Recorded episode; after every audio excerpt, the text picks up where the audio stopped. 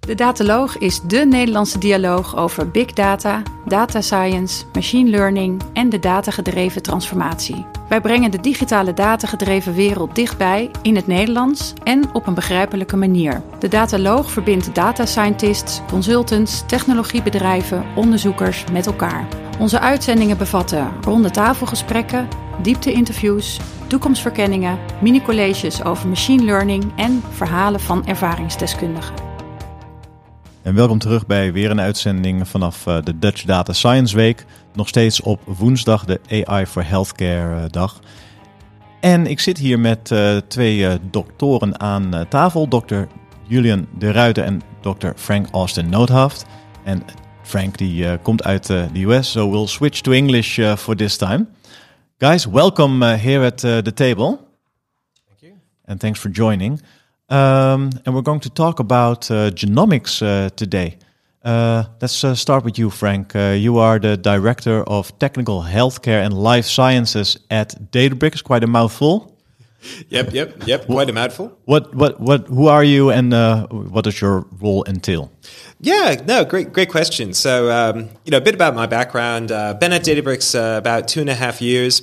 Uh, prior to that was at the UC Berkeley Amp Lab where, uh, was originated. And uh, I, I, originally started out as a semiconductor person, but uh, got, got excited by the role of big data in healthcare, decided to do a transition, uh, led to me joining the Amp Lab as we started our AMP genomics effort, uh, building out genomics workflows on top of Spark. So we, right, right at the point Apache Spark was a 0.5 alpha project going into Apache incubation, we started building this toolkit, the Big Data Genomics ADAM project, which which gave us a lot of insight into how people were working with uh, large genomic data sets, what are the use case patterns that they had. People, this was just at the time when genomic data was becoming truly big data. You know, projects were hitting 10 to 20 terabytes of genomic data.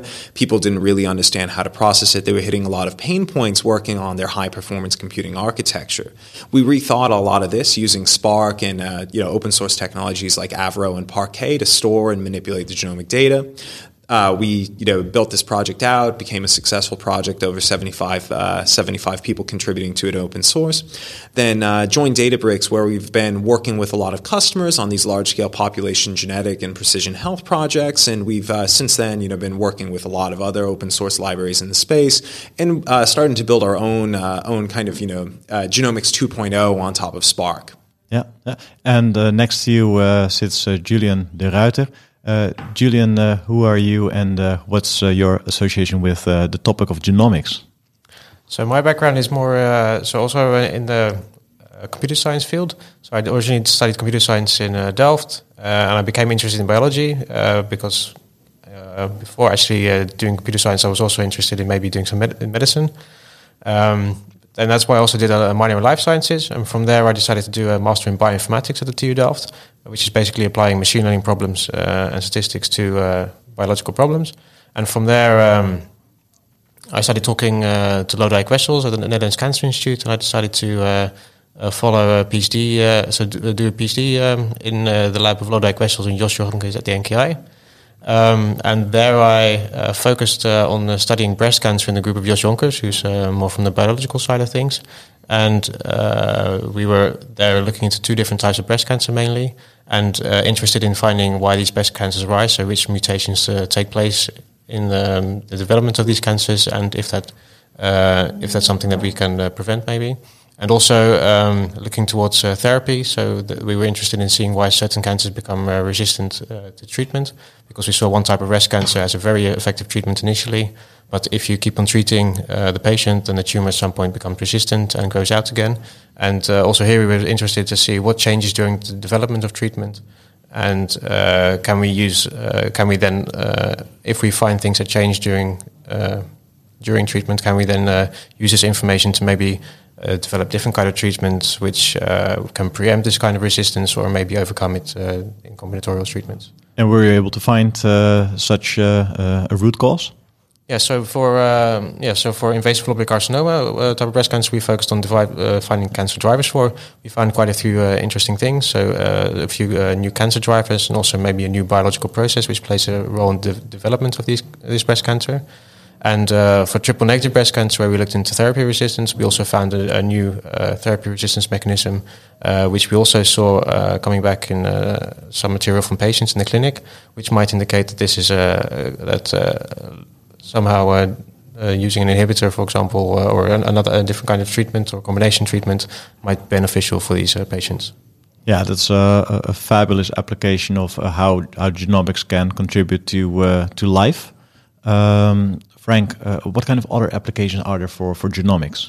Yeah, no, great, great question. Um, you know, we see we see a lot of work in the R and D space, um, but where it's, where it's been very interesting to see is actually how we take this, you know, take the research and development work that we've done in genomics and translate it into, you know, into the space of actual patient care we see this both in the um, you know kind of in the genetic testing. So looking at your genome, looking at what risks you're predisposed to. You see this come up a lot. Um, you know, actually a lot right now in the direct to consumer space. So you know, you think a a company that sells you a genetic test, you spit in a tube, you send it back, they'll send you a risk profile, uh, and it's it's starting to catch on as well in the primary care setting. You know, you go to your doctor. Um, you know, most places don't have investment in that yet, but over the next five years, we expect to see that.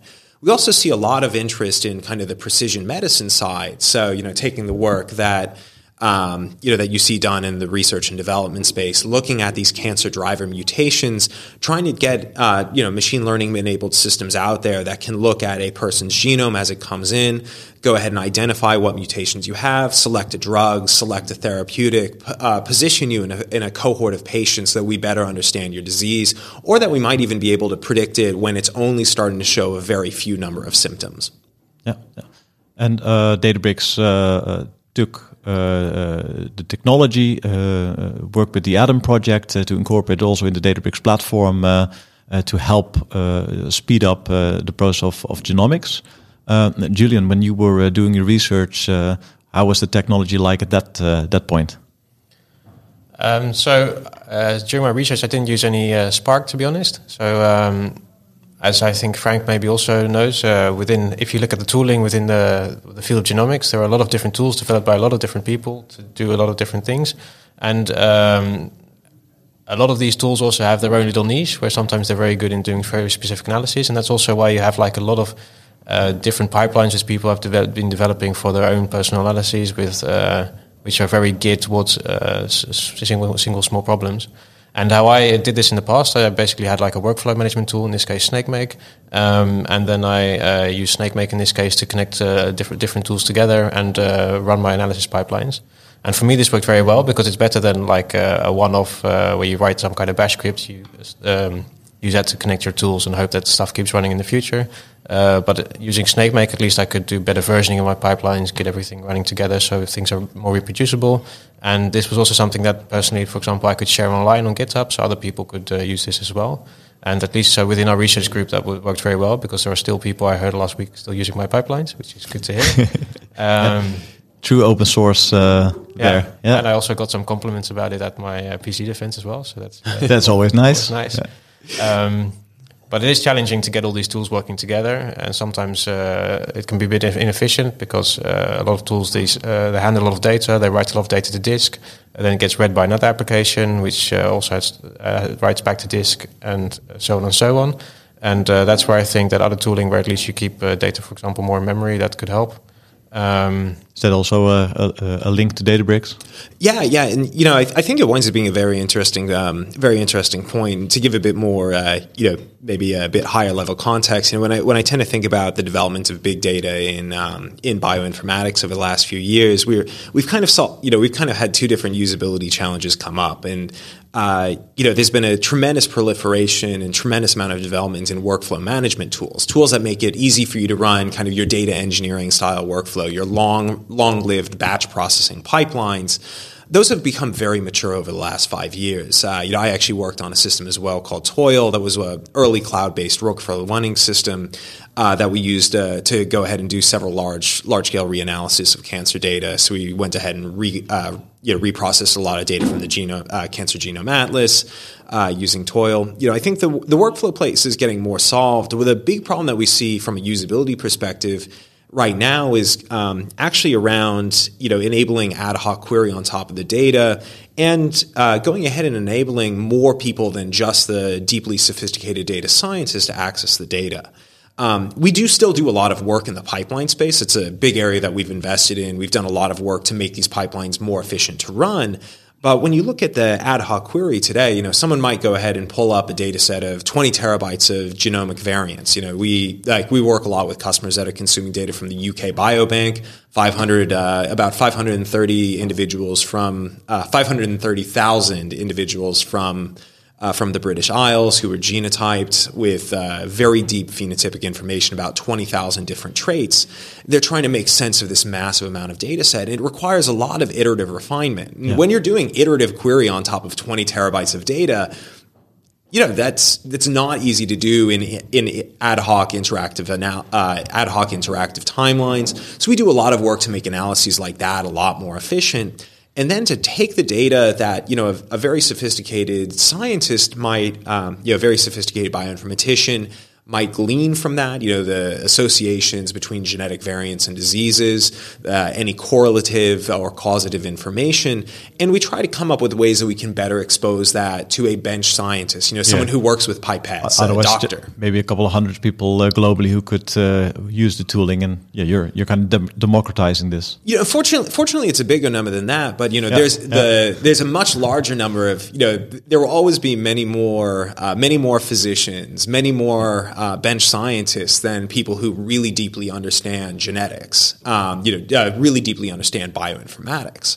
So the more that we can empower those people with access to the data, the ability to ask questions, the ability to say, hey, you know, how does this data, this data is what it looks like in a population, but how does it impact the patient who is here in my clinic today who, had a, who has a disease that we don't fully understand how to treat?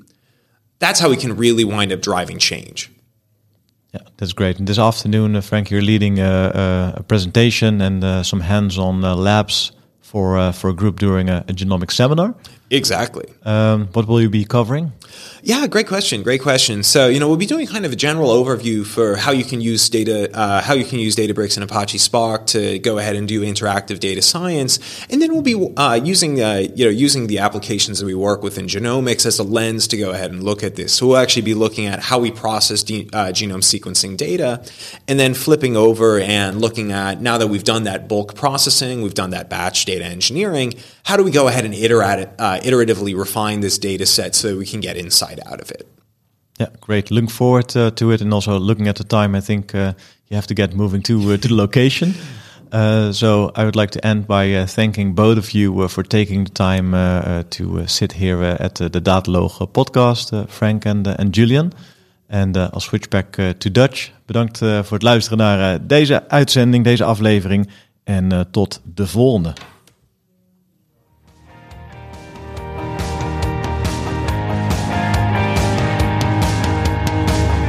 Bedankt voor het luisteren naar deze uitzending van de Dataloog podcast. Wil je automatisch wekelijkse podcast ontvangen? Klik dan op subscribe in jouw favoriete podcastprogramma. Vond je onze podcast leuk, goed, interessant of wellicht te veel ene en nullen? Laat een review achter of geef thumbs up. Heb je vragen of opmerkingen? Kijk dan ook eens op www.dedataloog.nl. Hier staan ook de show notes van alle uitzendingen. De studio van de Dataloog is gesponsord door het onderzoeksprogramma Urban Technology van de Hogeschool van Amsterdam. Alles wat we maken doen we onder Creative Commons. Je mag alles hergebruiken voor niet-commerciële doeleinden, zolang je ons als bron maar noemt. Volg ons op Twitter op @dedataloog. Graag tot de volgende keer en voor nu tot data.